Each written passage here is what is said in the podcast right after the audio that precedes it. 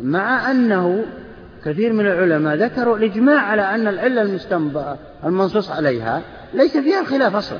خلاف لا يدخل عليه لا يدخل فيها. فهنا أصحاب المذهب الثالث كأنه تذكير بمذهب ثالث في المسألة. المذهب الأول أنه يشترط الاضطراد سواء كانت علة مستنبطة أو منصوص عليها. المذهب الثاني أنه لا يشترط الاضطراد سواء كانت مستنبطة أو منصوص عليها. المذهب الثالث هنا يقول فرق. بين العلة المنصوص عليها وبين العلة المستنبطة. فإن كانت العلة علة منصوص عليها فإذا تخلفت في بعض المواضع أو مجمع عليها طبعا تابع للنقل فإنها لا يضرها.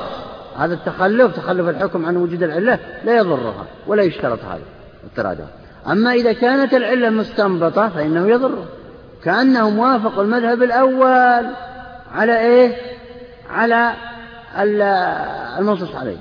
ووافقوا المذهب الثاني على المستنبط وفرق قومه. بلى بلى هو الراجح إذا قلنا أن المسألة فيها ثلاث أقوال. لكن هي المسألة فيها قولان ترى صحيح. لأن قولهم التفريق هذا بين العلم والمنصوص عليه. ما قال أحد في المنصوص عليه أصلا. المنصوص عليها أصلا متفق عليه وخرجت عن محل النزاع أصلا. يعني يعلل بالمنصوص عليها سواء شئت أيها المجتهد أو لم تشأ. هي علة سواء وجدت في بعض الفروع أو لم توجد. هي علة الله نص عليها والإجماع نص عليه لكن الخلاف في المستنبطة. نعم. وتخلف الحكم يحتمل أن يكون لفوات شرط أو وجود مانع فلا يترك الدليل القوي لمطلق الاحتمال. نعم. قال إنها إن, إن, إن قد يتخلف هذا احتمال قد يتخلف الحكم مع وجود العلة لتخلف شرط أو وجود مانع. وهذا في كل دليل في كل دليل. من الأدلة المنصوص عليها أيضا. يعني يخصص تخصص بعض الأحكام لوجود لتخلف شرط أو وجود مانع. الآن مثلا دين آه، أو الدين مانع من الزكاة. أليس كذلك؟ وآتوا الزكاة هذه آية عامة لجميع المسلمين. لكن من عليه دين؟ لا تجب عليه الزكاة.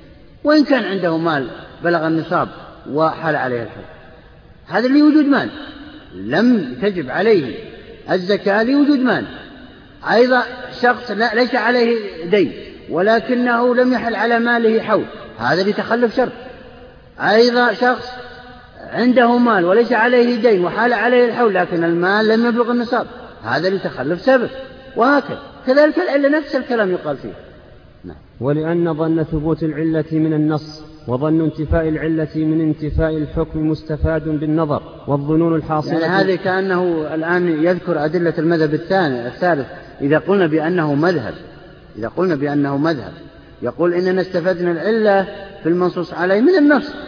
أيها المجتهد ما دخل فيها؟ أصلا ثابتة هي. قبل ولادتك أيها المجتهد. أما العلة المستنبطة فقد ثبتت عن طريق المجتهد عن طريق المجتهد. فهي قد يعني تبعا لاجتهادك إذا تخلفت في بعض المواضع قد يؤثر فيه قد يؤثر في ضعف العلة نعم. والظنون الحاصلة بالنصوص أقوى من الظنون الحاصلة بالاستنباط. لا شك. يعني بمعنى إذا نص الشارع على العلة قد يظن لأن الظاهر ظن أي ظاهر؟ الآن عندكم حديث الأعرابي الذي جاء النبي صلى الله عليه وسلم وقال إني هلكت قال له ماذا صنعت؟ قال وقعت أهلي في نهار رمضان قال اعتق رقبه العلة هي وقاع مكلف في نهار رمضان. هي العلة علة الكفارة هنا. لكن هذه العلة مظنونة وليست لأنه لم ينص عليها نصا صريحا إنما هو نص ظاهر أو فيه بعض الضعف. لذلك خالفوهم بعضهم وقال إن العلة هي إفساد الصوم المحترم وليست وليست العلة كما قلت. وإذا وجد الخلاف في شيء معناه أنه مظنون. فالنص قد يكون قطعي وقد يكون ظني على العلة لكن مهما كان الظن أقوى من الشيء الذي يستنبطه المجتهد استنباطا عن طريق عن طريق طرق اجتهادية.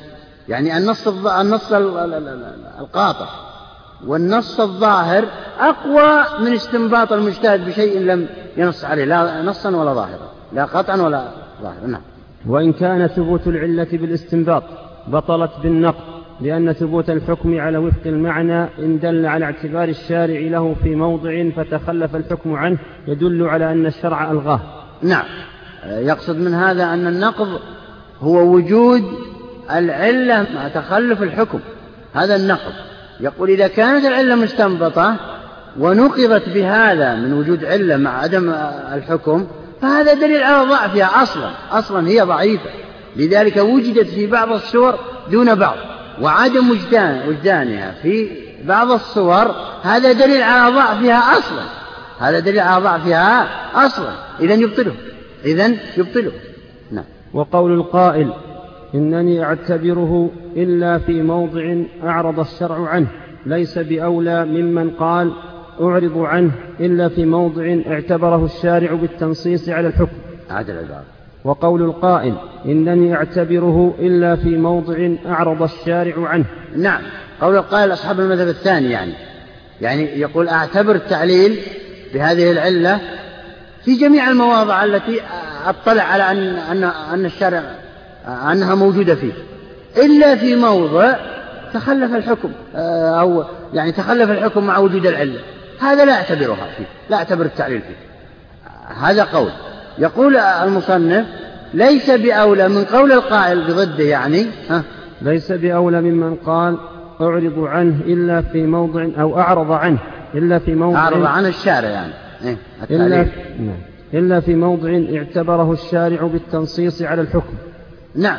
يعني بمعنى أعرض عن التعليل أصلا ما في تعليل إلا في موضع قد وجدت العلة مع حكمه. قد قد وجد الحكم مع علته. هما قولان متساويان يقول. هما قولان متساويان في القوة يعني. في القوة. ها؟ ثم إن جوز وجود العلة مع انتفاء الحكم من غير مانع ولا تخلف شرط فليجز ذلك في محل النزاع. نعم. إذا جاز وجود العلة مع عدم الحكم فإن هذا يجوز عليكم يا أصحاب المذهب الأول. يعني بمعنى أنه قيسوا على الأدلة السابقة لنا جميعا. في, في, في, في الألفاظ العامة التي خصصت والألفاظ المطلقة التي قيدت إلى آخره نعم. قولهم ثبوت الحكم على وفق المعنى في موضع في موضع دليل على أنه علة. قلنا ثبوت الحكم على وفق المعنى في نعم. موضع دليل على أنه علة. نعم في يعني آه هذا أصحاب المذهب الثاني يقولون إذا وجدت العلة وهو المعنى الذي لأجله شرع الحكم أحيانا يسمونه المعنى وأحيانا يسمونه علة وأحيانا يسمونه وصف مناسب وأحيانا يسمونه مناط إلى آخره. إذا وجدت العلة في موضع من المواضع الصالحة له فإن هذا دليل على أن هذا الوصف يصلح أن يكون علة. وإن تخلفت في بعض المواضع. نعم. قلنا هذا قول أصحاب المذهب الثاني. الجواب؟ قلنا وتخلف الحكم مع وجوده دليل على أنه ليس بعلة. نعم. عرضوهم بمثل ما قالوه تخلف الحكم مع وجود التعليل وهو العلة يعني دليل على أن العلة أصلا غير صحيحة. فهم ناقضوهم بشيء يساوي كلامهم. هذه تسمى المناقضة في المحاورة والمخاصمة. نعم. فإن انتفاء الحكم لانتفاء دليله موافق للأصل وانتفاؤه انتفاء الحكم لانتفاء دليله موافق للأصل الأصل هذا دليل المجيب. إذا انتفى الحكم مع عدم الدليل هذا موافق للأصل. ها؟ وانتفاؤه لمعارض على خلاف الأصل. أما إذا وجدت العلة وانتفى الحكم لمعارض كما زعمتم وهو تخلف شرط أو وجود مانع فهذا مخالف للأصل أصل. نعم. قولهم إنه مخالف للأصل إذ فيه نفي العلة مع قيام دليلها فيتساوى الاحتمالان. قلنا متى سلمتم أن احتمال هم نفس الكلام السابق يبدو لي قلنا متى سلمتم أن احتمال انتفاء الحكم لانتفاء السبب كاحتمال انتفائه لوجود المعارض على السواء؟ لم يبق ظن صحة العلة إذ يلزم من الشك في دليل الفساد الشك في الفساد لا محالة. نعم. يقصد من هذا كله مما سبق كله أنكم استدللتم بعدم وجود الحكم مع وجود العلة هذا يدل على عدم صحتها. المعترض يقول إنه إذا انتفى الحكم مع وجود العلة هذا يدل على إذا انتفى الحكم مع وجود العلة في بعض المواضع يدل على صحتها في المواضع التي وجدت فيها العلة وهم يتناقشان في هذا. بعضهم يقول أو أصحاب المذهب الأول يقول إن فساد موقعها في هذا الموضع يعني واستدلالنا بالعلة على الحكم يدل على أنها ليست علة أصلا. ليست علة أصلا فسد التعليل بها. والبعض الآخر يقول إن تخلف الحكم هذا لا يؤثر أصلا على العلة فيصح التعليل بها. هذا ما يدل عليه كلام المصنف. إذ ظن صحة العلة مع الشك فيما يفسدها محال فهو كما لو قال أشك في الغيم وأظن الصحو وأشك في موت زيد وأظن حياته. نعم يقول لا عمل مع الشك. كل واحد يتهم الآخر بأن كلامك مشكوك فيه لا, لا يحتمل أو لا يتحمل الحكم. أو لا يمكن أن نعمل به. كل واحد يتهم الآخر نعم. قولهم دليل العلة ظاهر. قلنا والمعارض ظاهر أيضا. نعم يقول دليل العلة ظاهر يعني بمعنى إيجادها. أصحاب المذهب الثاني قالوا بأن دليل العلة ظاهر. يعني إيجاد العلة في بعض المواضع أو في, في أغلب المواضع مع وجود حكمها. هذا ظاهر في في جواز التعليل به في صحة التعليل بتلك العلة. ها؟ قلنا قلنا والمعارض ظاهر أيضا فيتساويان. والمعارض ظاهر. يعني قول كما قال هناك إن تخلف الحكم مع وجود العلة دليل على عدم صحة العلة. هذا معارض. أيضا ظاهر عندنا. فيتساويان في الكلام أو في قوة يعني الخصومة في هذا الأمر. نعم. فلا يبقى الظن مع وجود المعارض. بمعنى أنه لا يجوز لكم. أن ترجحوا بالظن مع أننا عرضناكم بما هو قوي ككلامكم. فلا يوجد ظن إنما هي شكوك. قولهم العلة أمارة والأمارة لا توجب وجود حكمها أبدا. نعم هذا في الدليل الأول. هو الآن يجيب أصحاب المذهب الأول على قول على أدلة أصحاب المذهب الثاني أن الأمارة لا يشترط فيها وجودها في كل شيء. في كل مكان. لا يشترط هذا أصحاب المذهب الثاني قالوا ذلك. لا يشترط وجودها الأمارة والعلامة. بل يستدل بالأمارة مع تخلفها في بعض المواضع كما قال في الغيب الرطب في الشتاء. هناك قلنا إنما يثبت كونها أمارة إذا ثبت أنها علة. نعم. يقول آه، المجيب إن أن أصلا الأمارة لا تثبت إلا إذا كانت علة. إلا إذا كانت سبب للحكم يعني. أصلا. فكيف تسمون هذا إمارة أمارة نعم. والخلاف ها هنا هل هذا الوصف علة وأمارة أو لا؟ نعم. هذا هل هذا الوصف الذي في رأس المسألة وهو أن أن العلة وجدت في كثير من المواضع دون المواضع هل هو علة أو لا؟ هل يسمى علة أو لا؟ ها باقي. صلى الله على نبينا محمد. الحمد لله رب العالمين والصلاة والسلام على نبينا محمد وآله وصحبه أجمعين. قال الإمام ابن قدامة رحمه الله تعالى في روضة الناظر قولهم العلة أمارة والأمارة لا توجب وجود حكمها أبدا. قلنا إنما يثبت كونها أمارة إذا ثبت أنها علة.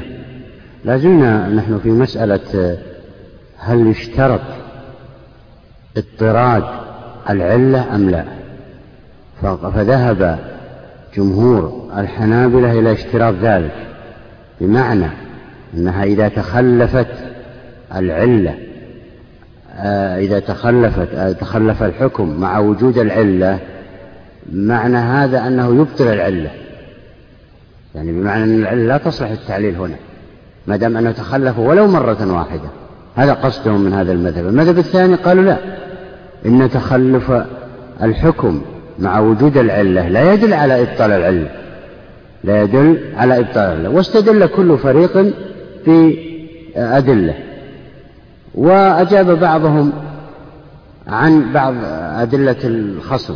ومن الأجوبة ما قاله هنا قال قولهم العلة أمارة والأمارة لا توجب وجود حكمها أبدا. نعم. قال أصحاب المذهب الثاني إن العلة أمارة والأمارة معروف أنها علامة على الشيء والعلامة على الشيء لا يدل على أنه موجودة في جميع أجزاء هذا الشيء قد يتخلف عنها قد يتخلف عنها الحكم مع وجودها والدليل على ذلك الغيب هي أمارة على إنزال المطر الرطب في الشتاء الغيم الرطب في الشتاء هذه شروط المثال أمارة على نزول المطر لكن أحيانا لا ينزل المطر مع وجود الغيم فهل معنى ذلك أنه غير الحكم بالغيم استمر الحكم بالغيم وهو أنه ينزل المطر أو يغلب على الظن نزول المطر من خلاله بسببه. نعم. قلنا إنما يثبت كونها أمارة إذا ثبت أنها علة. والخلاف ها هنا هل هذا الوصف علة أو أمارة أو لا؟ نعم. يعني المجيب يقول نحن لا نسلم بأنها بأن العلة أمارة. خالفوا في الأصل هنا. العلة ليست أمارة. العلة أقرب ما لها بكونها سببا. يعني أن تكون سببا للأحكام. وليست أمارات.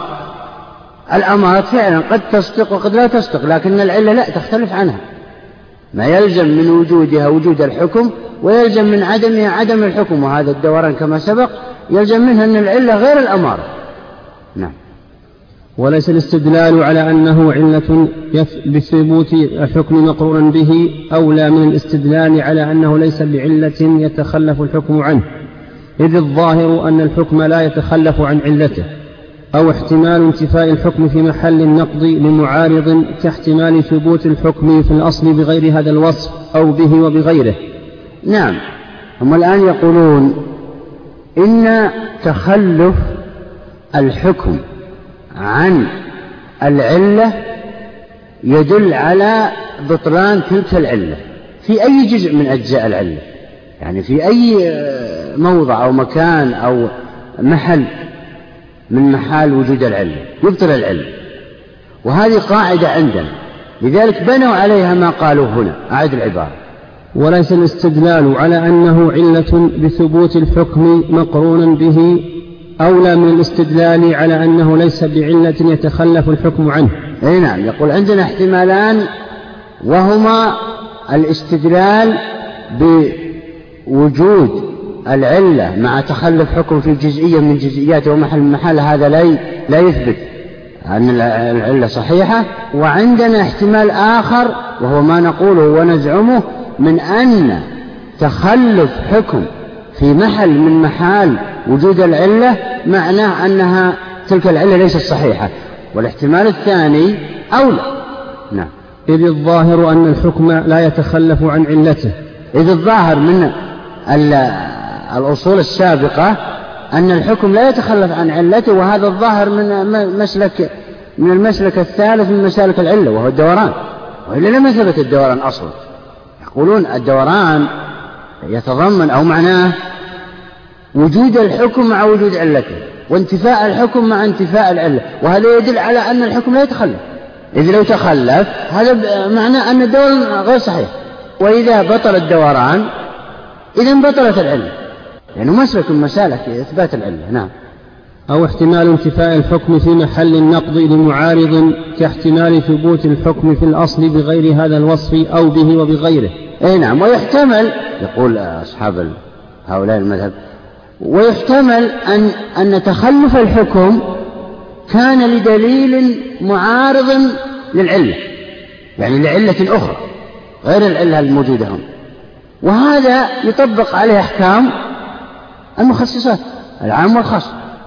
بمعنى أنه ترد آية أو حديث عام حرمت عليكم الميتة ويأتي حديث ويخرج بعض الأحكام بعض الميتات ويقول إن بعض الميتات آه، يجوز أكلها كالسمك والجراد كما ورد. كذلك هنا في في العلل. فإن الأصل في العلة أن تثبت الحكم. وإذا تخلف حكم معناه أنه خصص بدليل أو بعلة أقوى من تلك العلة. نعم. وكما أن وجود مناسب آخر في الأصل على خلاف الأصل كذلك وجود المعارض في محل النقض على خلاف الأصل فيتساويان. نعم. يقول إن إخراج الحكم لمناسب وهي ما في الأحكام من جلب مصالح ودفع مفاسد لمناسب هذا جائز في جميع الأدلة الشرعية والعلة من الأدلة الشرعية. وبهذا يتبين الفرق بين العلة المنصوص عليها والمستنبطة فإن المنصوص عليها يثبت كونها أمارة بغير اقتران الحكم بها فلا يقدح فيها تخلفه عنها كما لا يقدح في كون الغيم أمارة على المطر تخلفه عنه في بعض الأحوال. نعم هذا الكلام من أصحاب المذهب الثالث إذن وهم الذين فرقوا بين بين العلة المنصوص عليها والعلة المستنبطة. وأنا قلت لكم فيما سبق أن العلة المنصوص عليها متفق على متفق عليه أنها إذا يعني وجدت يعلل بها وإن لم يوجد الحكم لأن المنصوص عليها كالنص. نعمل به وإن لم نعرف آه، المصلحة آه، الذي أو التي جلبت أو جلبوا هذا الحكم. وإن لم نعرف العلة وهو, وهو الحكم التعبدي كذلك العلة.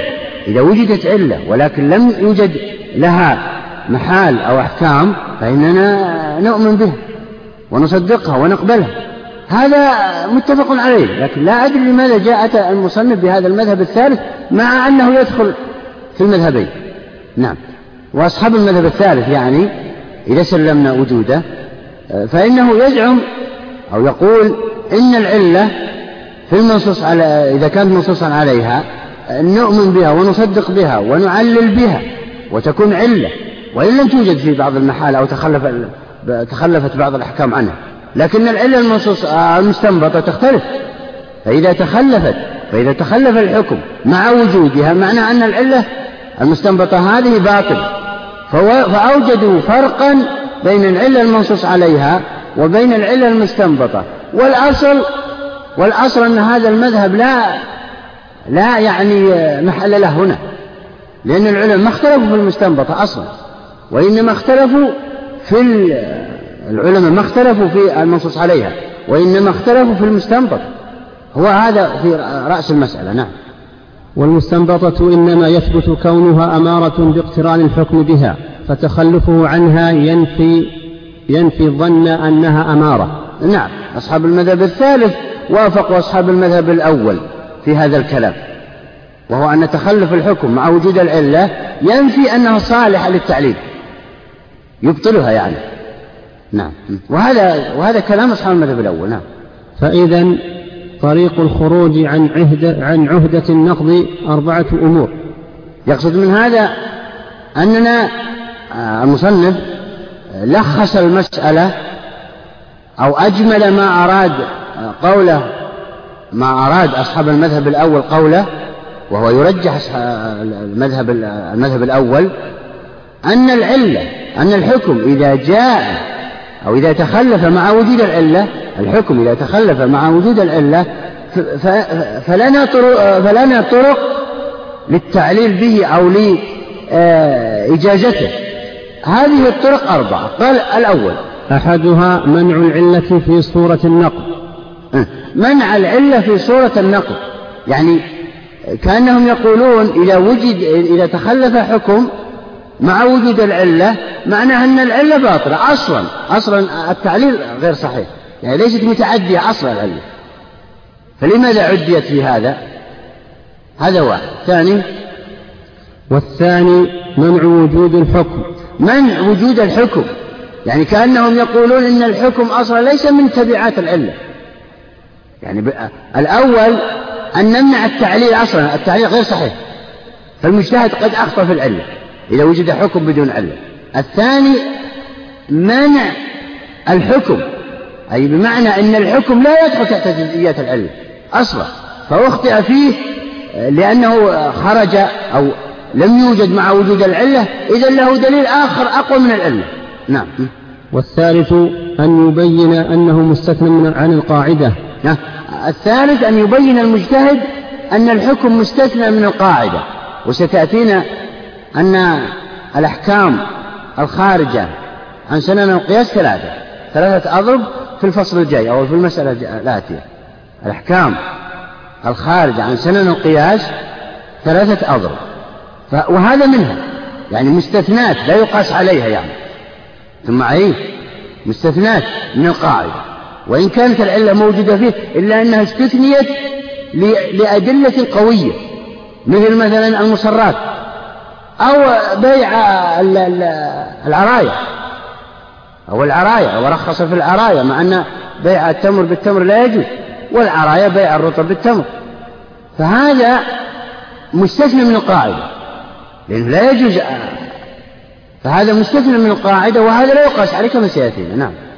الثالث أن يبين أنه مستثنى من عن القاعدة بكونه على خلاف الأصلين. وإن أمكن المعترض وإن أمكن المعترض إبراز قياس لا ينتقض بمسألة النقض كانت علته المضطردة أولى من المنقوضة. نعم. يقول هنا إن إذا أصر على وجود الحكم على انتفاء الحكم مع وجود العلة وأن الحكم صحيح يتبع العلة وأن العلة تعليل المجتهد صحيح إذا أصر هذا المجتهد فإنه لا بد أن نأخذ قاعدة المذهب الأول. نأخذ قاعدة المذهب الأول وهو أنه أن أن العلة باطلة. أن العلة باطلة. ما دام أنه تخلف الحكم آه، في بعض محلها. نعم. ولم يقبل دعوى المعلل أنه خارج عن القياس. ولا يقبل دعواه أنه أن هذا خارج عن القياس بمعنى أنه خرج لدليل أقوى من العلة. لأن المستثنيات من القياس قليلة جدا. كما ستأتينا بالتفصيل نعم. والرابع بيان ما يصلح معارضا في محل النقل أو تخلف ما يصلح شرطا ليظن أن انتفاء الحكم كان لأجله. نعم. فيبقى الظن المستفاد من مناسبة الوصف. نعم. يقول الرابع مما يمكننا الخروج عن عهدة النقل كما سبق أن العلة لها شروط. فقد يكون الحكم تخلف عنه شرط من شروط العلة أو وجد فيه مانع يمنع إيصال هذا الحكم بالعلم يمنع استدلال الاستدلال بالعلة على الحكم فهو في أمرين في أحد أمرين إما أنه تخلف شرط العلة فيه فتخلف الحكم مع وجود العلة وإما أنه وجد مانع من الموا... من موانع الاستدلال بالعلة عليه نعم. ليظن أن انتفاء الحكم كان لأجله فيبقى الظن المستفاد من مناسبة الوصف. نعم فيبقى الظن المستفاد من مناسبة الوصف يعني نرجع إلى هذا المجتهد. نرجع إلى ما مقصوده بالعلم ما مناسبته للحكم؟ قد تكون المناسبة منقطعة بين الحكم وبين هذه العلة. ليس بينهما شيء. فلذلك انقطع الحكم وتخلف. نعم. وثبوت الحكم على وفقه كما كان فإن الغالب من ذات الشرع. اعتبار المصالح والمفاسد فيظن أن عدم الحكم للمعارض فلا تكون العلة منتقضة. نعم. يعني بمعنى أنه زعم أو ادعى هذا المجتهد ادعى هذا المجتهد أن هناك مناسبة بين الحكم وبين العلم وأن هناك فيه جلب مصالح ودفع مفاسد وأن الحكم من جزئيات أو من محل العلة. وهذا غير صحيح. فلما دققنا في هذه المصالح أو دفع المفاسد آه، لم نجد هذا. لم نجد ما ادعاه أو زعمه. نعم. فصل تخلف الحكم عن العلة على ثلاثة أضرب.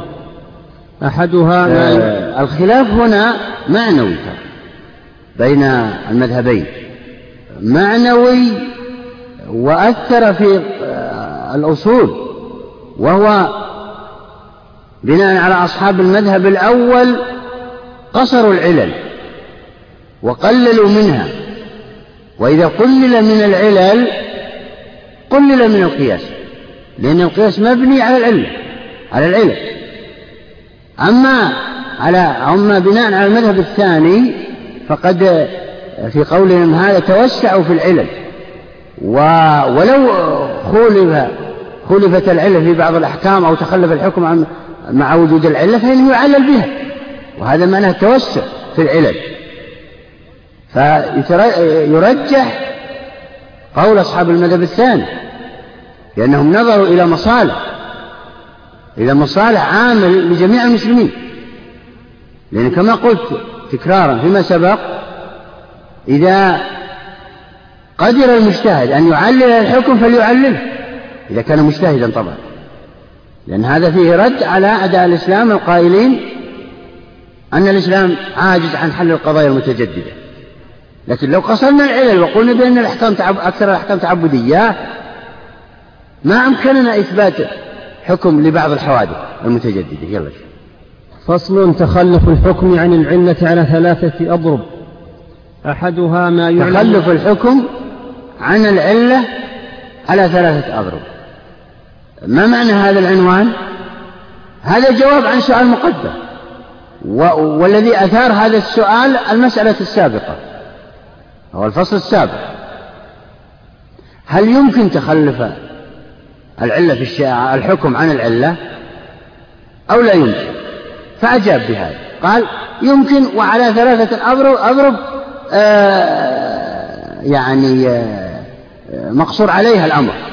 لا يمكن أن أن نقيس عليها أو أن نتوسع فيها فقال أحدها ما يعلم العبارة تخلف. تخلف الحكم عن العلة على ثلاثة أضرب. أحدها ما يعلم أنه مستثنى عن قاعدة القياس كإيجاب الدية على العاقلة دون أحدها؟ أحدها أعد. ما يعلم أنه مستثنى عن القاعدة القياس. أي نعم. ما يعلم أنه مستثنى عن قاعدة القياس. يعني تأتي القاعدة كلية وتضم أفراد ملايين الأفراد. لكن يستثنى منها بعض الجزئيات التي لا تطبق القاعدة عليه.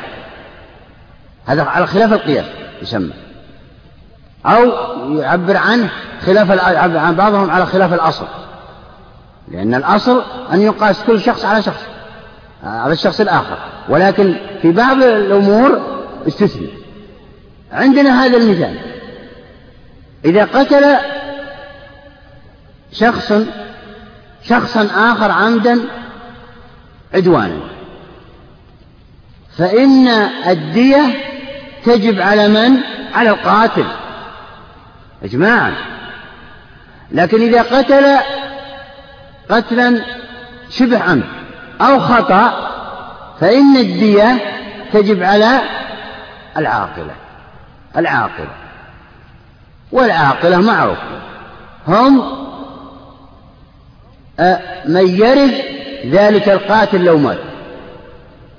كما قربوا هم من يرث ذلك القاتل لو مات.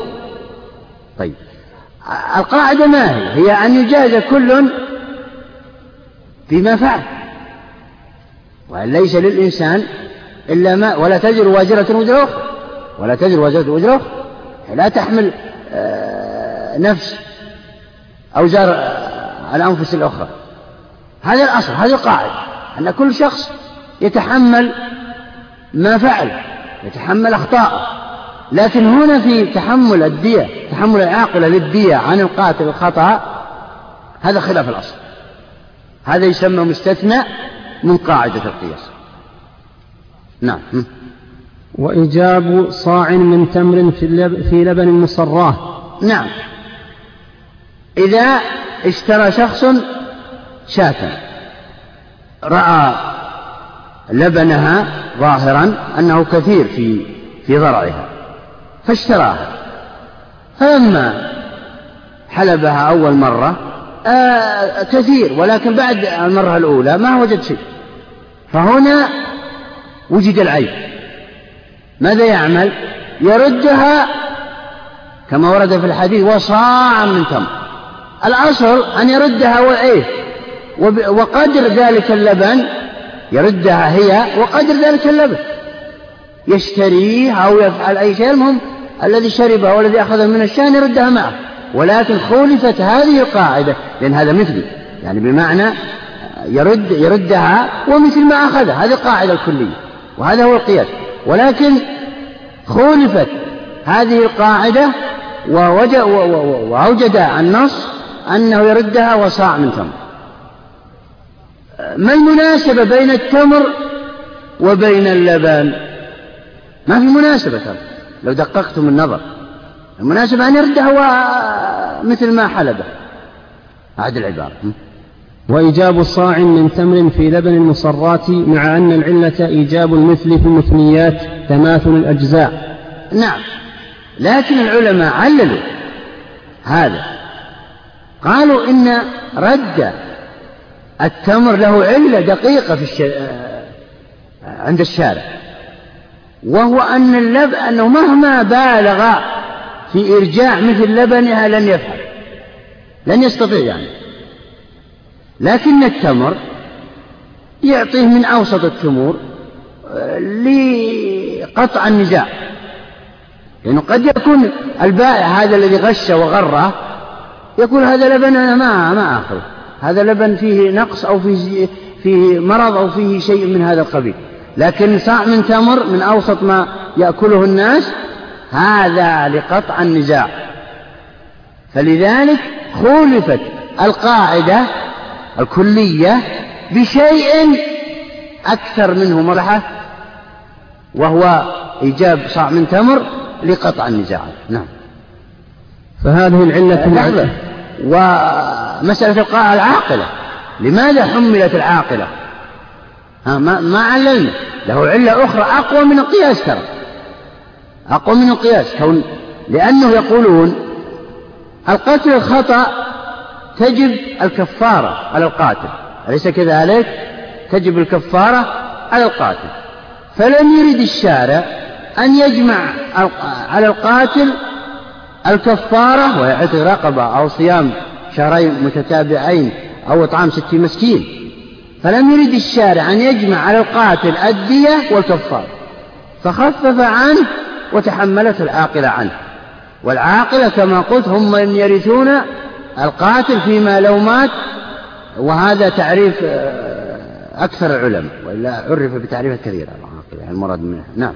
العاقلة هو آه، تعرفون أن الإرث ينتقل من العصبات إلى الأرحام. ولكن العلماء الذين خالفوا هذا التعريف قالوا لا هذا هذا إذا يدخل ذوي الأرحام آه، إذا لم يوجد العصبات عصبات الميت يعني. وذوي الأرحام لا يعقلون يعني بمعنى لا يعقلون عن الشخص الدين. ولكن الواقع أنه يدخل. إذا إذا مشينا مع هذا التعريف يدخل أي وارث ولكن هذا يندر أن لا يوجد أحد أحد لا يوجد له أب أو أب أو أخوان أو كذا أو كذا أو أولاد عم إلى السابع من ولد العم. يعقل. نعم. فهذه العلة معلومة قطعا فلا تنتقض بهذه الصورة. فهذه العلة معلومة قطعا. أين العلة؟ هي المثلية. هي المثلية. أن يرد مثل اللبن الذي حلبه أو الحليب الذي حلبه. هذه قاعدة. أنه يجب المثلية في كل شيء. إذا إذا أتلف شيئا يجب مثله. هل أثرت مسألة المصراة على هذا التعليل؟ لا ما أثرت. لأن هذا هذه المصرة خرجت بالنص والنص أقوى من التعليل التعليل المستنبطة. التعليل بالعلة المستنبطة ثبت اجتهادا نعم. ولا يكلف المستدل, المستدل الاحتراز عنها. نعم. ولا يكلف المستدل الاحتراز عنها. ما ما مراد من هذا؟ بمعنى أن يقول تجب المثلية في كل شيء إلا المسرة ولا تزر وازرة وزر أخرى إلا في مسألة العاقلة تحمل, تحمل كذا وكذا. لا يكلف المستدل أن يقول مثل هذا الكلام لأنه معلوم أن الدليل القوي يقدم على الدليل الضعيف والنص أقوى من التعليل ترى. وكذلك لو كانت العلة مضمونة. سيأتينا ستأتينا هذه المسألة. هل يقاس على الخارج عن سنن القياس أم لا؟ ستأتينا هذه المسألة. مسألة أخرى غير هذه. نعم. وكذلك لو كانت العلة مضمونة كإباحة بيع العرايا نقضا لعلة لعلة من يعلل الربا بالكيل أو الطعم.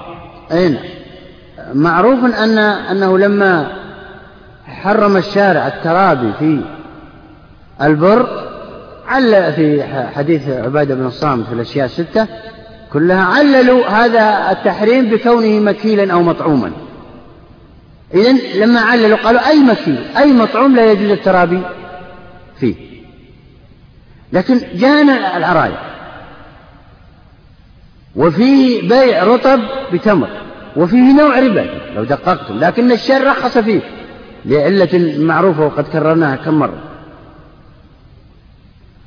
آه هذا خارج عن سنن القياس يعني بمعنى أنه آه، لا يدخل أو لا يؤثر في العلة لا يؤثر في العلة هذه العبارة.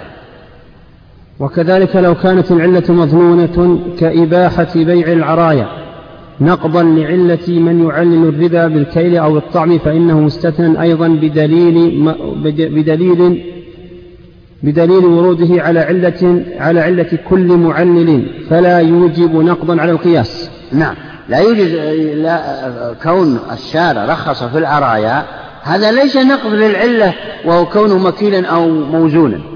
حرم الترابي في جميع الثمور لكونه مكيلا أو موزونا لكن أو يعني مطعوما. والعرايا لا تؤثر في هذا التعليل ولم تبطل هذا التعليل مع أنه مكيل ومطعوم لماذا؟ لأن النص هو الذي أخرج هذا والنص أقوى من التعليل لأن التعليل مظنون كما قال. نعم. والنص قطع هنا. نعم. فلا يوجب نقضا على القياس ولا يفسد ولا يفسد العلة بل يخصصها. نعم بل يخصصها. أي أن جميع المكيلات والموزونات لا يجوز الترابي فيه إلا في مسألة العرائض تخصيص. لماذا؟ لأنه ورد فيه نص كتخصيص كتخصيص النصوص. بل يخصصها بما وراء الاستثناء فيكون علة في غير محل الاستثناء. نعم. ولا يقبل قول المناظر إنه مستثنى إلا المناظر وهو, وهو الخصم. لهذا الشخص الذي لم يذكر هذا القيد. نعم. ولا يقبل قول المناظر إنه مستثنى إلا أن يبين ذلك للخصم بكونه على خلاف قياسه أيضا. يعني لا يبين لا يقول مثلا إن العلة في تحريم ربا الفضل في البر أو التمر هو كونه مكيلا أو مطعوما إلا العرايا. لا يلزم ترى المناظر أو المستدل أن يقول هذا مثل هذا الكلام. لا يلزم أن يقول مثل هذا. أو مثلا كل يتحمل أخطاء نفسه إلا في العاقلة. لا يلزمه أن يقول هذا الكلام في التعريف يعني. وهكذا نعم. إلا في مسألة قتل الخطأ يعني. نعم. أو بدليل يصلح لذلك. فإن قيل فلما لا ينعطف قيد على العلة يكون وصفا من أوصافها يندفع به النقض فنقول في مسألة المصراه نعم يقصد فلما فلما لا يذكر فلما لا يذكر كأن كما قلنا فيما سبق لا يذكر مع التعليل هذا القيد. وقال هنا ها أكمل العبارة. فنقول في مسألة المصراه العلة في وجوب المثل تماثل الأجزاء مع قيد الإضافة إلى غير المصراه ويكون التماثل المطلق بعض العلة. نعم يعني كأنه يقول أن التماثل واجب إلا في المصراه هذا لا يلزم المجتهد أن يقوله.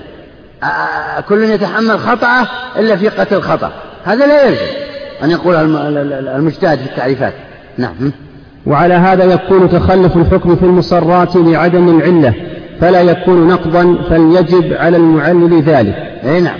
يعني لا يكون نقض يعني المصرات لا تكون نقض للتعليل بوجوب المثل. لا تكون المصراه نقض للتعليل بوجوب المثل. لا تكون نقض. ومسألة المصراه واضحة لأنه رد صاع من تمر وليس هو مثل اللبن لا تكون نقض. ولا يمكن أن يأتي شخص ويقول آه، المثل غير صحيح لأنه انتقضت بتلك المسرة. أو آه، كل يتحمل أخطاءه إلا كذا هذا خل بالمثال أو خل بالقاعدة. هذا لا يمكن لأنه معروف لدى العلماء هذه الأمور. نعم. قلنا بل العلة مطلق التماثل فإن, فإن العلة إما أن تكون سميت علة استعارة من البواعث فإن الباعث على الفعل يسمى علة الفعل. الآن المصنف تعرض لتعريف العلة في أو, أو اختلاف العلماء في تعريف العلة هنا. فبدأ بتعريف العلة الأول وهو قوله إن العلة هي الباعثة للحكم. هذه العبارة. قلنا. إما أن تكون سميت علة استعارة من البواعث فإن الباعث على الفعل يسمى علة الفعل. نعم. هذا أول تعريف للعلة هذا التعريف رجحها رجحه المصنف هنا. وهي الباعثة على الحكم. يعني المي... ال... ال... التي أنشأت الحكم والتي آه، ذكرتنا بالحكم. وليست هي العلة هي المبتدئة بالحكم. نعم. فمن أعطى فقيرا شيئا لفقره وعلل به وعلل بأنه فقير. ثم منع فقيرا آخر وقال لأنه عدوي ومنع آخر وقال هو معتزلي. فإن الباقي على الاستقامة التي يقتضيها أصل الفطرة لا يستبعد ذلك ولا تعده متناقضا. نعم. مثال ذلك شخص أعطى شخصا زيد أعطى عمرا نقودا وعلل هذا العطاء وقال إني أعطيته لفقره. أتوا فقراء كثيرون؟ آه، فمنع ما أعطاه وعلل هذا المنع وقال هذا لكونه عدوي وذاك لكونه له مذهب يخالفني من مذاهب الأهواء إلى آخره. عدم إعطاء هؤلاء الفقراء لا يؤثر لا يؤثر بتعليله. هنا كأنه أعطاه لفقره. فإن الفقير يعطى. ولو لم يعطي بالقرية مثلا إلا واحد فقير لإخلاصه ولولي إلى آخر الكلام. وفي عشرة فقراء منعهم هذا لا يؤثر في العلة العلة عامة تكون. لأنه هناك منعهم لمانع وجد وهو أن أهل الأهواء لا يعطون والأعداء لا يعطون يعني يتقوون عليه وفيه دفع مفسدة عن نفسه وعن غيره. وهي أقوى من لو أعطاه لفقره. لأنه تعارض هنا جلب مصلحة وهو سد, سد يعني فقره ودفع مفسدة وهي عدم إعطائه. والعلماء عندهم قاعدة أن دفع المفاسد مقدم على جلب المصالح. نعم. ويجوز أن يقول أعطيته لفقره إذ الباعث هو الفقر وقد لا تحضره عند الإعطاء العداوة والإعتزال وانتفاؤهما. نعم. إذا سئل لماذا أعطيت زيد؟ لماذا يا زيد أعطيت عمرا؟ قال أنا لأنه فقير. ويستمر على هذه العلة مع أنه منع كثيرا من من ماثله من الفقراء. لعلل آه، وجدت فيهم أقوى من العلة التي علل بها. نعم. ولو كان جزئين من الباعث لم ينبعث إلا عند حضورهما في ذهنه وقد انبعث ولم يخطر بباله إلا مجرد الفقر. نعم. ولو كان يعني بمعنى أنه إذا اجتمع فقر مع قرابة مثلا فإنه لا يعطيه إذا كان عدو قريب له عدو عدو. لكن إذا اجتمع فقر مع قرابة وهو, وهو محب له يعطيه. وهكذا في كثير من الأمثلة يقال فيه ذلك. يعني بمعنى لو كثرت الاستثناءات كما قلت في قرية أعطى واحد فقير ومنع عشرة هذا لا يدل على أنه على أن العلة تلك آه، قد أفسدت وهي الفقر لا على ما كان عليه ولكن ولكن هؤلاء منع أن يعطيهم لماذا؟ لكونه معتزل أو لكونه كذا أو لكونه عدوه أو إلى آخر مما علل فيه نعم كذلك مجرد التماثل علة لأنه الذي يبعثنا على إيجاب المثل في ضمانه ولا تحضرنا مسألة المصرات أصلا في تلك الحالة. نعم. يعني كذلك يقول أن نعلم بالمثلية يجب المثلية في كل شيء. قاعدة. أنت أحرقت هذه السيارة يجب عليك مثلها. أنت أحرقت هذا البيت يجب عليك مثله وهكذا. هذه قاعدة معروفة. لكن من علل بالمثلية بوجوب المثلية قد لا تطرأ في ذهنه مسألة المصرات وهذا لا يضر ولا يقدح في تعليله ولا يقدح في المثلية. نعم. كذلك هذا في مسألة الفقير أعطاه لفقره ولم ينقدح في ذهنه أن هناك فقراء أعداء له أو أنهم كذا وأنهم كذا. وهذا لا يؤثر في تعليله نعم.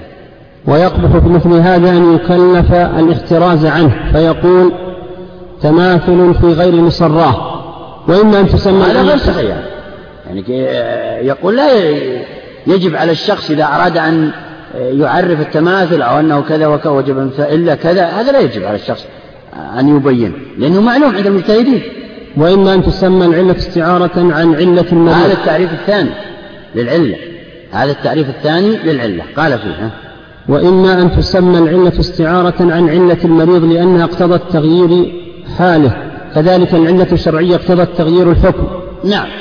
يعني يقول هنا أن العلة سميت علة لأنها غيرت المحل من الإباحة إلى التحريم. مثلا عندك هذا المشروب إن كان مسكرا ظهر عليه علامات الإسكار كما قلنا فيما سبق بالأول يباح شربه لكن إذا ظهرت عليه علامات الإسكار فيجب اجتنابه. هذا يسمى غير حالة من من حال الإباحة إلى حال التحريم. مثلا مثل العلة على المريض غيرت حاله من الصحة إلى السقم بعد ما كان نشيطا يذهب ويجيء غيرت حاله إلى الجلوس وهكذا. فيجوز أن يسمى الوصف المقتضي علة بدون تخلف الشرط ووجود المانع. نعم يجوز هذا يقول تسمى علة بشرط عدم تخلف شرط أو بشرط عدم وجود مانع. نعم. فإن البرودة مثلا علة المرض في المريض لأنه يظهر عقيبها وإن كانت لا تحصل بمجرد البرودة بل ربما ينضاف إليها في المزاج الأصلي أمور كالبياض مثلا لكن يضاف المرض إلى البرودة الحادثة. نعم يعني أحيانا المريض يمرض بعدة علل هذا الشخص ولكن يعلل بعلة ظاهرة وهي مثل البرودة يعني بردت أطرافه فيقول إن مرضك هي البرودة مع أنه أنه مرض بعدة علل بعدة أمور أخرى. فيعلل بما ظهر فقط. نعم. فيجوز أيضا أن يسمى التماثل المطلق علة وإن كان ينضاف إليها شيء آخر إما شرطا وإما انتفاء المانع. مجرد التماثل بين الأشياء علة يجب المثلية. فيجب عليك إذا أيها الصائد إذا قتلت آه، حمارا وحشيا فيجب عليك بقرة مثل. وهكذا. هذا إذا لم يتخلف شرط أو وجد مانع. نعم. ومن سماها علة أخذا من العلة العقلية وهو عبارة عما يوجب الحكم لذاته. هذا الثالث.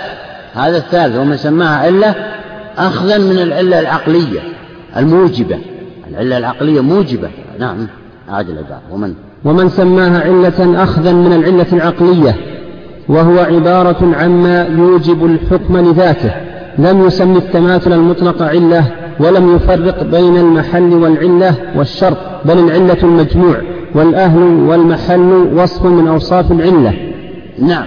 العلة العقلية هي موجبة وهي المأخوذة من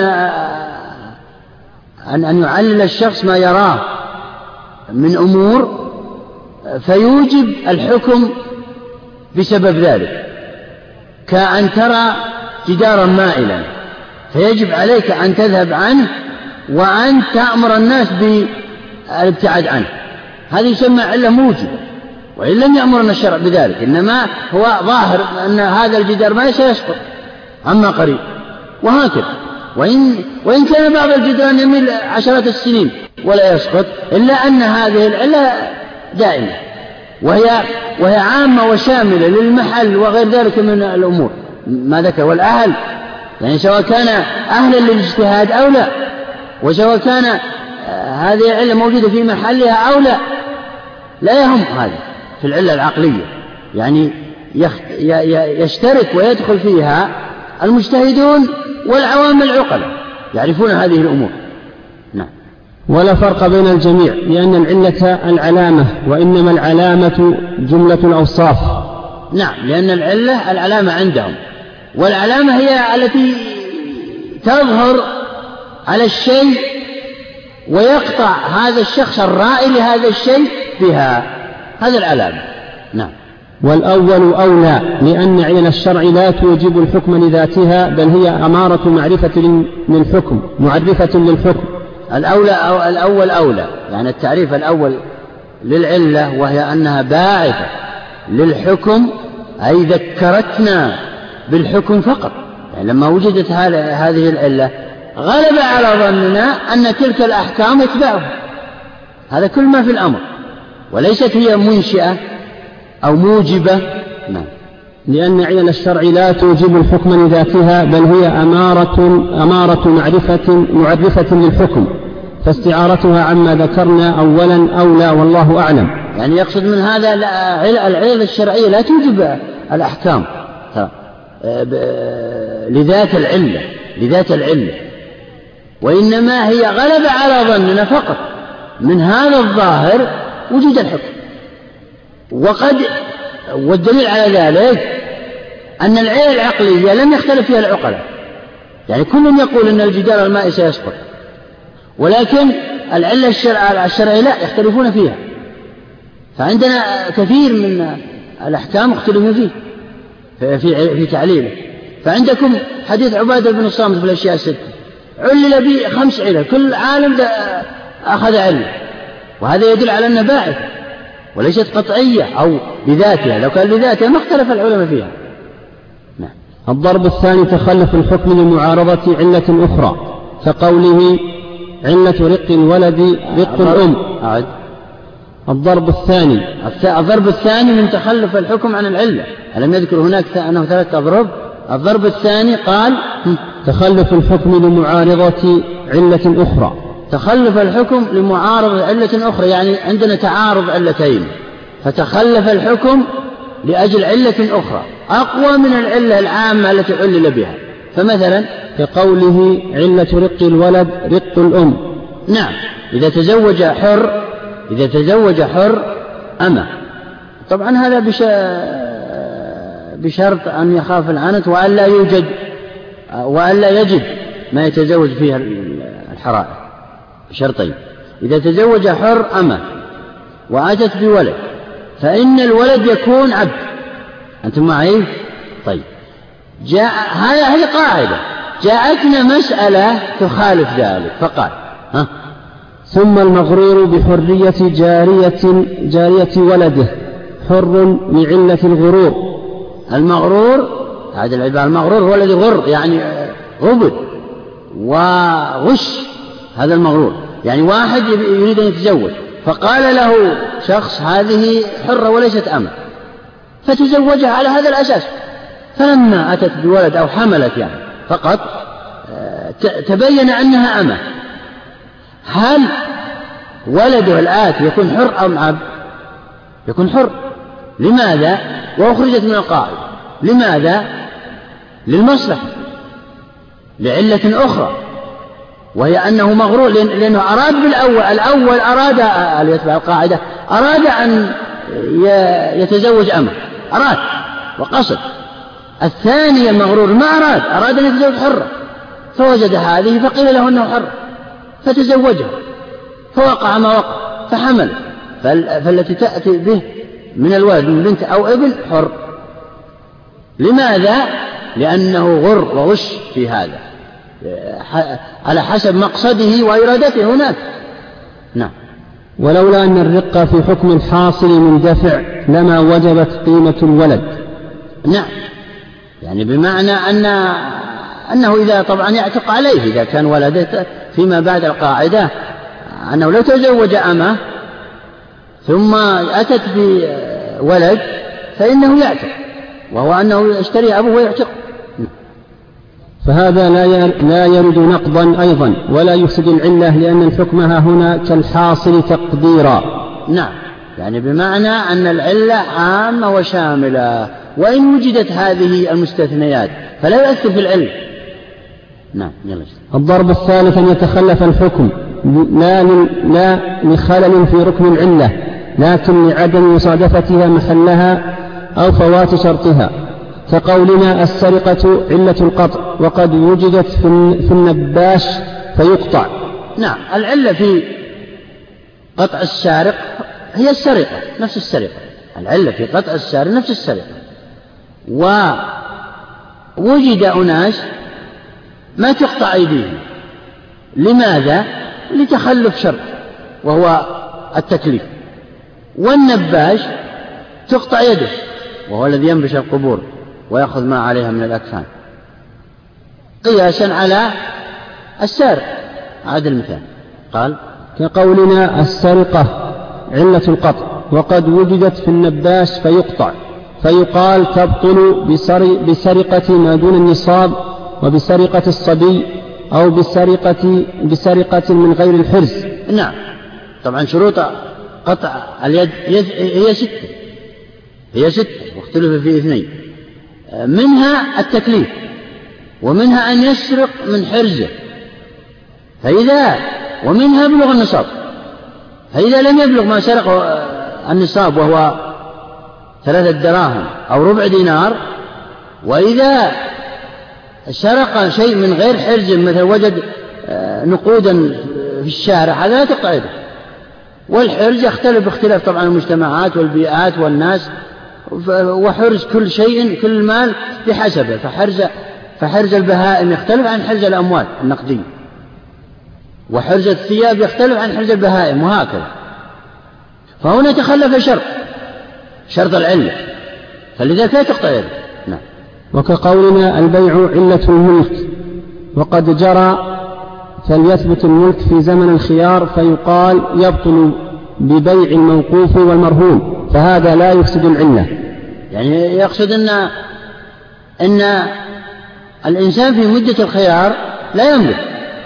هو باع عليه ولكن الخيار له خيار مجلس خيار الشرط إلى آخره. ففي مدة لا يثبت ملك. قياسا على بيع الرهن أو بيع الموقوف فإنه لا يثبت ملك. وإن كان فيه شروط البيع وأركان البيع وإن توفر كل شيء لا يثبت بيع. نعم. لكن هل يكلف المناظر جمع هذه الشروط في دليله كي لا يرد ذلك نقضا؟ فهذا يكلف المستدل في أدلته أن يذكر هذه العلل وهذه وشروط العلة وموانع العلة وأسباب العلة وغير ذلك مما يتصل بالعلة هذا لا يشترط. نعم. فهذا اختلف فيه الجدليون والخطب فيه يسير فإن الجدل موضوع فكيف اصطلح عليه؟ فإن الجدل موضوع يعني غير مرغوب فيه غير مرغوب فيه الجدل. في هذه الأمور يعني يخص نعم. فكيف اصطلح عليه فإليهم ذلك؟ والأليق تكليفه ذلك لأن الخطب فيه يسير وفيه ضم نشر الكلام وجمعه. يقصد من هذا أنه اللائق أن يذكر جميع ما يتصل بالعلة من شروط مواصفات ومستثنيات هناك مستثنى يبين للقارئ كل ما يتصل بهذا الحكم. وهذا يذكره أهل الفقه ترى يشيرون إليه أحيانا في إشارات في أجوبتهم على آه، أدلة الخصم كابن قدامة في المغني وكالقرافي في الذخيرة والنووي في المجموع والماوردي في الحاوي وكاساني في بدائع الصنائع وسرخسي في المبسوط في الكتب الموسعة يعني. وهكذا يذكرون هذه الأمور ويشيرون إليها عند الجواب عن أدلة الخصم. فأما تخلف الحكم لغير أحد هذه الأضرب الثلاثة فهو الذي تنتقض العلة به وفيه من الاختلاف ما قد مضى. يقصد أن هذه الثلاثة ذكرت وإن تخلف الحكم مع وجود العلة هذا لا تؤثر في العلة. لكن غيرها إن تخلف الحكم مع وجود العلة في غير هذه المواضع الثلاثة فإنه يؤثر في العلة. وصلى الله على نبينا محمد. بسم الله. الحمد لله. والصلاة والسلام على رسول الله. نعم. نعم نبدأ. بسم الله الرحمن الرحيم. الحمد لله رب العالمين والصلاة والسلام على نبينا محمد وآله وصحبه أجمعين. قال الإمام ابن قدامة رحمه الله تعالى في روضة الناظر فصل والمستثنى من قاعدة القياس منقسم إلى ما عقل معناه وإلى ما لا يعقل. نعم. المستثنى من قاعدة القياس. يقصد من هذا أن القاعدة الكلية لا يجوز فيها كذا. فجاءنا دليل استثنى مسألة من المسائل فهل يجوز القياس على المسألة المستثناة أم لا؟ فمثلا نهى رسول الله صلى الله عليه وسلم عن بيع المزابنة وهي بيع التمر بالتمر. ورخص في العرايا وهي بيع الرطب على رؤوس النخل بالتمر بخرسه تمرة فهذه العرايا مستثنى مستثنات من قاعدة القياس. ولا لا يجوز بيع التمر بالتمر مهما كان. لكن استثنى الشارع بيع العرايا هنا. فهل يجوز القياس على المسألة المستثناة. طبعا يجوز القياس على المسألة العامة قاعدة يعني لكن العلماء اختلفوا في هذه النقطة الثانية هل يجوز أم لا؟ فقال بعضهم آه المسألة فيها تفصيل وهو ما ذكره المصنف هنا. إن كان هذا الاستثناء معلل بمعنى عرفنا التعليل فنحن نجيز القياس في أي شيء معلل. وإن كان لا ليس معلل بمعنى لا يعقل معناه. إنما جاء الحكم تعبدي فلا يجوز القياس عليه.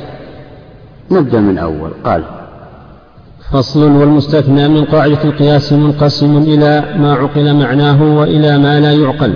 فالأول يصح أن يقاس عليه ما, ما وجدت فيه العلة. فالأول يصح أن يقاس عليه. ما دامت أن العلة موجودة وقد أدركناها بعقولنا. وهذا طبعا مذهب جمهور العلماء وإلا ما اتفقوا على الأول أيضا. فيه خلاف. نعم. من ذلك استثناء العرايا للحاجة. استثناء العرايا للحاجة أي أن العرايا مستثناة من مسألة بيع المزابنة. كما قلت فيما سبق للحاجة. علل هنا أو العلة الحاجة وهي حاجة الفقير إلى أكل الرطب في وقته وبيع التمر أو اشتراء هذا الرطب بتمر قديم عنده يعطيها المزارع ويعطيها المزارع نخلة ويأكل رطبا منها. يجوز هذا للحاجة. نعم. لا يبعد أن نقيس العنب على الرطب إذا تبين أنه في معناه. نعم. هنا قالوا بجواز القياس على هذا وهو هل يقاس بيع الزبيب بالعنب؟ هل يجوز بيع الزبيب بالعنب؟ أم لا؟ يعني الزبيب هو قديم العنب جاف العنب مثل التمر التمر جاف الرطب فكما قال بعضهم يجوز يعني يجوز القياس على المستثنى. بمعنى كما جاز بيع الرطب بالتمر فكذلك يجوز بيع الزبيب بالعنب. والعلة الجامعة بينهما الحاجة في كل فبعضهم لا يريد الزبيب يأكل يريد عنبا جديدا. فكذا وكذلك الرطب والتمر نعم. وكذا إيجاب صاع من تمر في لبن مصراه مستثنى من قاعدة عن قاعدة الضمان بالمثل. نعم. كذلك هذه المسألة. إذا أراد شخص أن يبيع شاة وصر لبنها في ضرعها ولم يخرجه لأجل أن يراه المشتري فيغتر بهذا الضرع المملوء لبنا ويقول هذه عادتها فلما حلبها أول مرة ما امتلأ هذا الضرع مرة أخرى مثل الأول. فيردها المشتري يقول أنت هذا عيب وهذا غش. فيردها وصاعا من تمر. يرد الشاة ويأخذ ثمنه وصاع من تمر بدل عن ذلك اللبن الذي في الضرع فهل يجوز ذلك في كل ما وقع فيه الغش أو لا يجوز؟ قياسا على المصرى أصحاب هذا المذهب قالوا يجوز لا مانع من ذلك. نعم. نقيس عليه ما لو رد المصرات بعيب آخر وهو نوع إلحاق. في عيب آخر. مثلا آه، اشترى شاة ثم آه، رأى شعرها كثيفا وجزه أول مرة. يريد أن ينتفع بهذا الشعر. ثم لم ينبت بعد ذلك. تبين أن تلك الشاة فيها عيب في جلدها أو فيها مرض.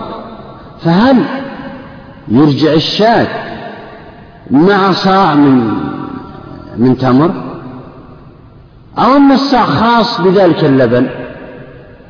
فقال المجيزون يجوز ذلك. وهكذا في أي عيب يجده ها نعم. ومنه إباحة أكل الميتة عند الضرورة صيانة للنفس واستبقاء للمهجة يقاس عليه بقية المحرمات إذا اضطر إليها. نعم.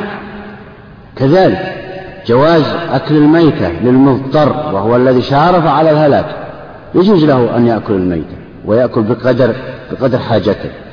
هل يجوز أن يقاس على ذلك شيء آخر وهو شرب الخمر إذا كان في على إناء أو غص بلقمة إذا غص بلقمة ولا يوجد عنده إلا الخمر فهل يجوز شربه؟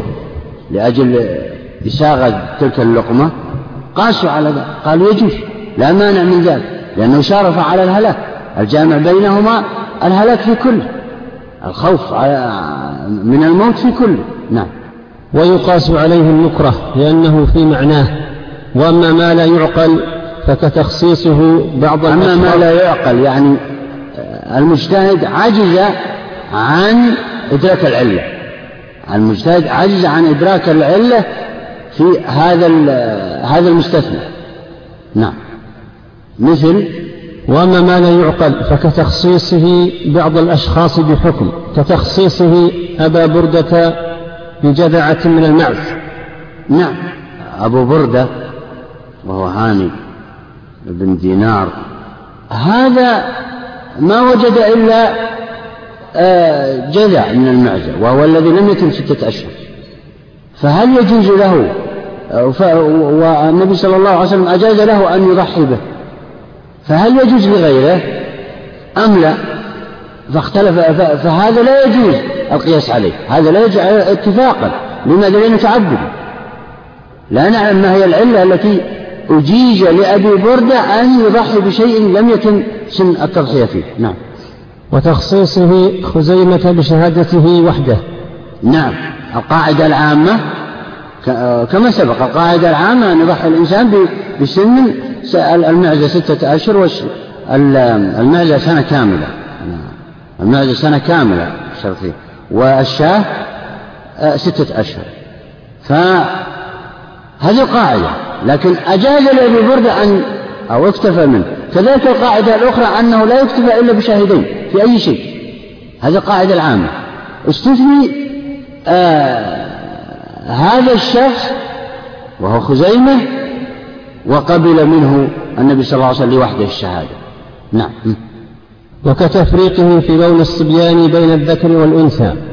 نعم في الحكم.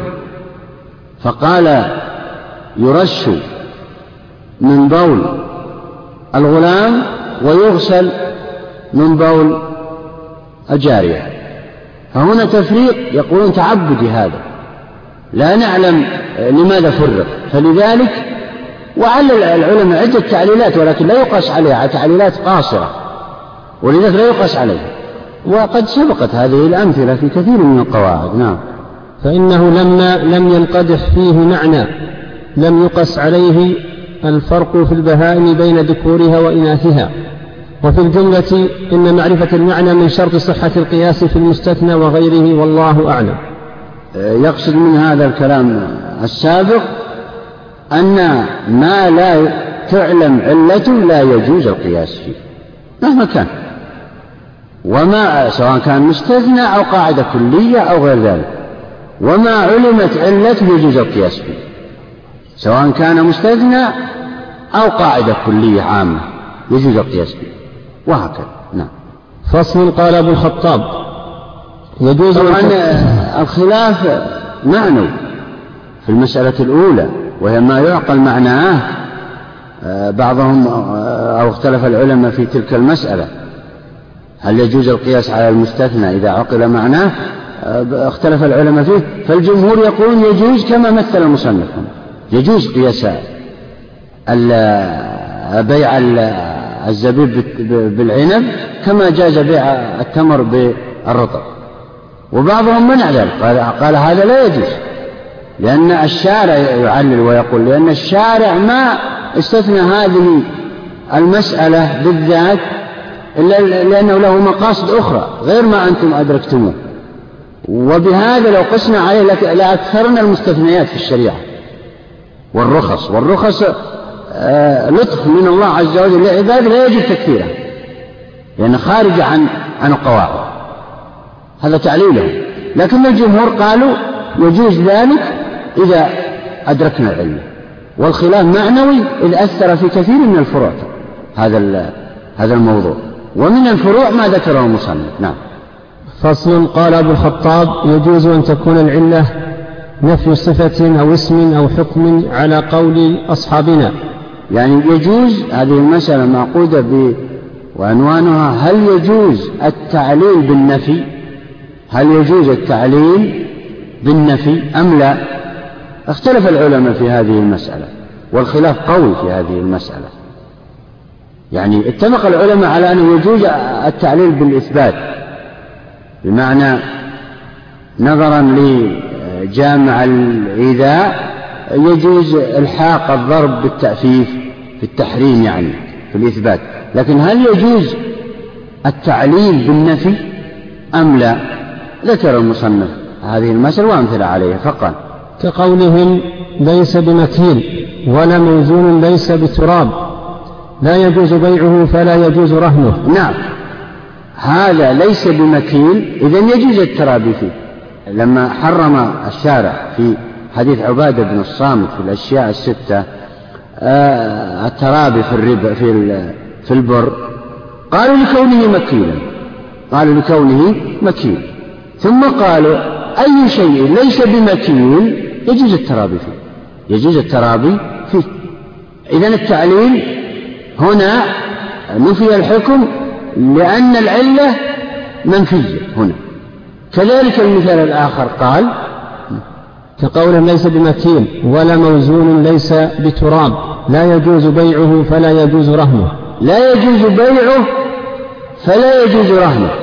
هذا أيضا قياس وعللوا بالحكم المنفي وهو الكلب والخنزير لا يجوز بيعه فلا يجوز رهنه. يعني العلة هنا أنه لا يجوز رهنه الحكم هو لا يجوز رهنه. هذا الحكم. لكن العلة هو عدم جواز بيع. هذه هي العلة. اتفق العلماء على أن الكلب والخنزير لا يجوز بيعهما لكن هل يجوز رهنه؟ أم لا؟ اختلفوا. فقال بعضهم لا يجوز رهنه. قياسا على البيع. لأن الراهن أو مرتهن يعني إذا لم يسدد الراهن له شيء فإنه يضطر إلى بيع ما عنده من المرهون من العين المرهونة. وهذا لا يباع إذا يبطل الرهن أصلا. نعم. وقال بعض الشافعية لا يجوز أن يكون العدم سببا لإثبات الحكم لإثبات حكم لأن السبب لا بد أن يكون مشتملا على معنى يثبت نعم. هذا المذهب الثاني. المذهب الأول يقول يجوز التعليل بالنفي. المذهب الثاني وهم بعض أو كثير من الشافعية وليس بعض يقولون إنه لا يجوز التعليل بالعدم وهو النفي. ما هي علتهم؟ قالوا أعد. وقال بعض الشافعية لا يجوز أن يكون العدم سببا لإثبات الحكم لأن السبب لا بد أن يكون مشتملا على معنى يثبت لحكم رعاية له. نعم.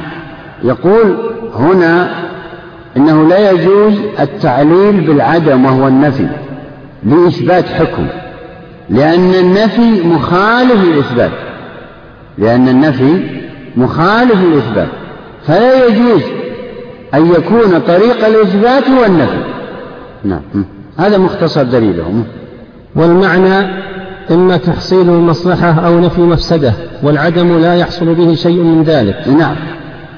الدليل الثاني قالوا إن المقصود من التعليل هو جلب مصلحة أو دفع مفسدة وهو الوصف المناسب كما سبق أن بيناه. والعدم وهو النفي ليس بجلب مصلحة ولا بدفع مفسدة ولا يفهم منه شيء العدم والنفي. فكيف يعلل به؟ نعم. فلئن قلتم إنه تحصل به الحكمة فإن ما كان نافعا فعدمه مضر وما كان مضرا فعدمه يلزم منه منفعة. نعم. هذا اعتراض من أصحاب المذهب الأول يذكره أصحاب المذهب الثاني للرد عليه. قالوا في الاعتراض فإن قلتم أعد. فلئن قلتم إنه تحصل به الحكمة. فإن, فإن ما كان نافعا. إنه تحصل منه حكمة يعني من النفي. الضمير يعود إلى النفي. تحصل من النفي أو العدم حكمة وهي فإن ما كان نافعا فعدمه مضر. وما كان مضرا فعدمه يلزم منه منفعة. تحصل منه حكمة عكسية. يعني ما كان منفيا من كان منفيا فإثباته مصلحة. وما كان مثبتا فنفيه مفسدة.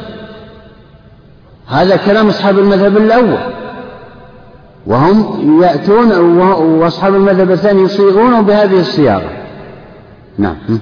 ويكفي في مظنة الحكم أن يلزم منها الحكمة ولا يشترط أن يكون منشئا لها.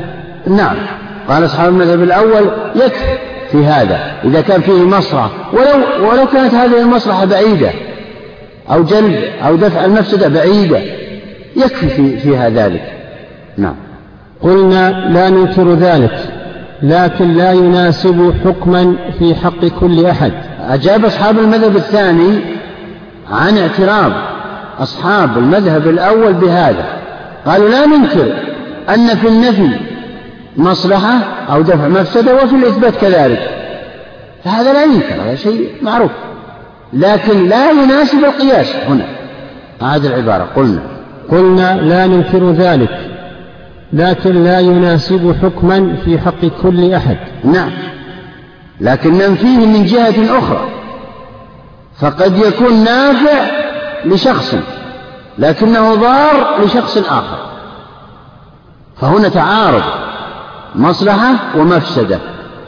وإذا تعارضتا وهما متساويتان لا يلزمنا الأخذ بأحدهما. نعم دون الأخرى. أعد العبارة. قلنا. قلنا لا ننكر ذلك لكن لا يناسب حكما في حق كل أحد.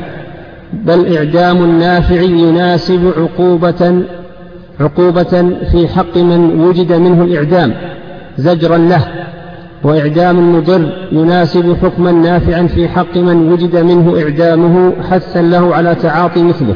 فالمناسبة في الموضعين انتسبت إلى الإعدام وهو أمر وجودي لا إلى العدم.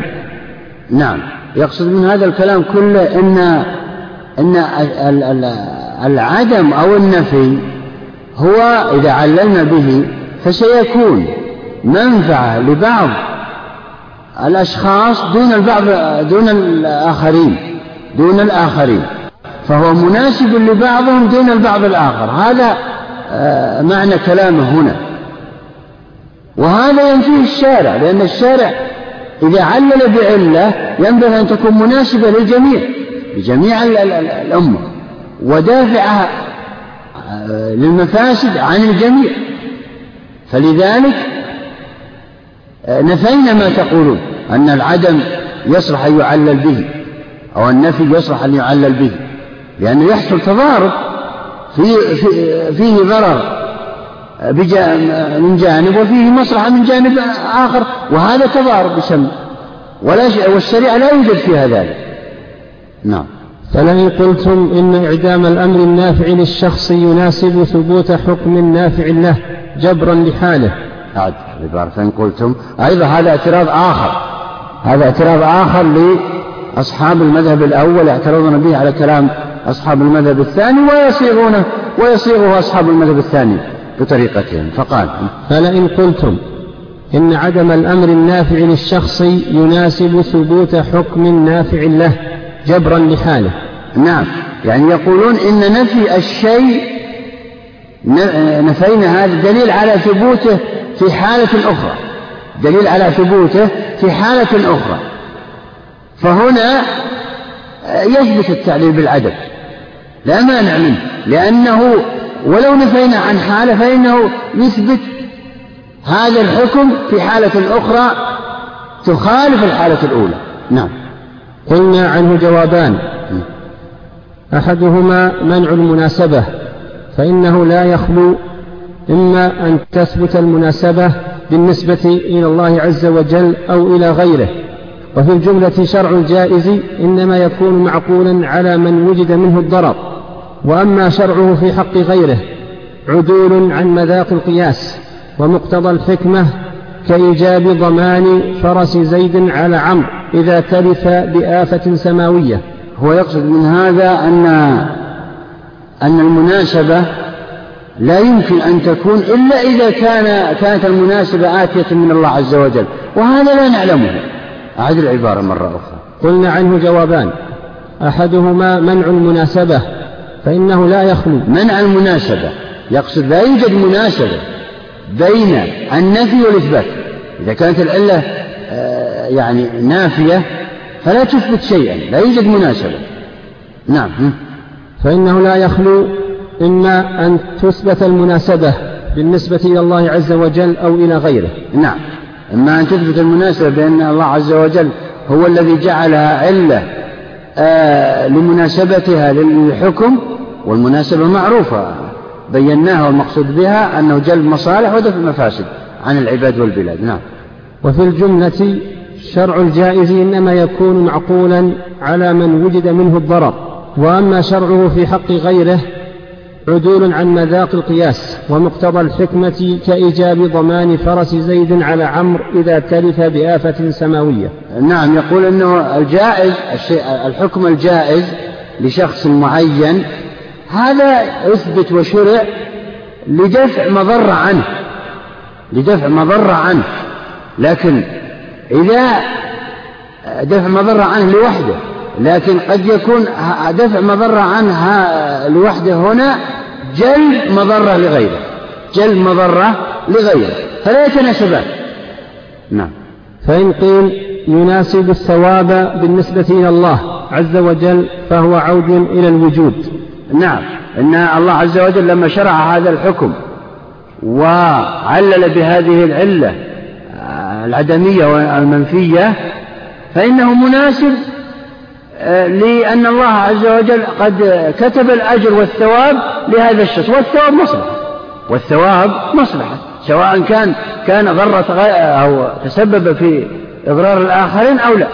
نعم. ثم إن وجوبه على واحد من الخلق يلزم منه من الضرر في حق من وجب عليه بقدر ما يحصل من المصلحة لمن وجب له. فلا يكون مناسبا. نعم.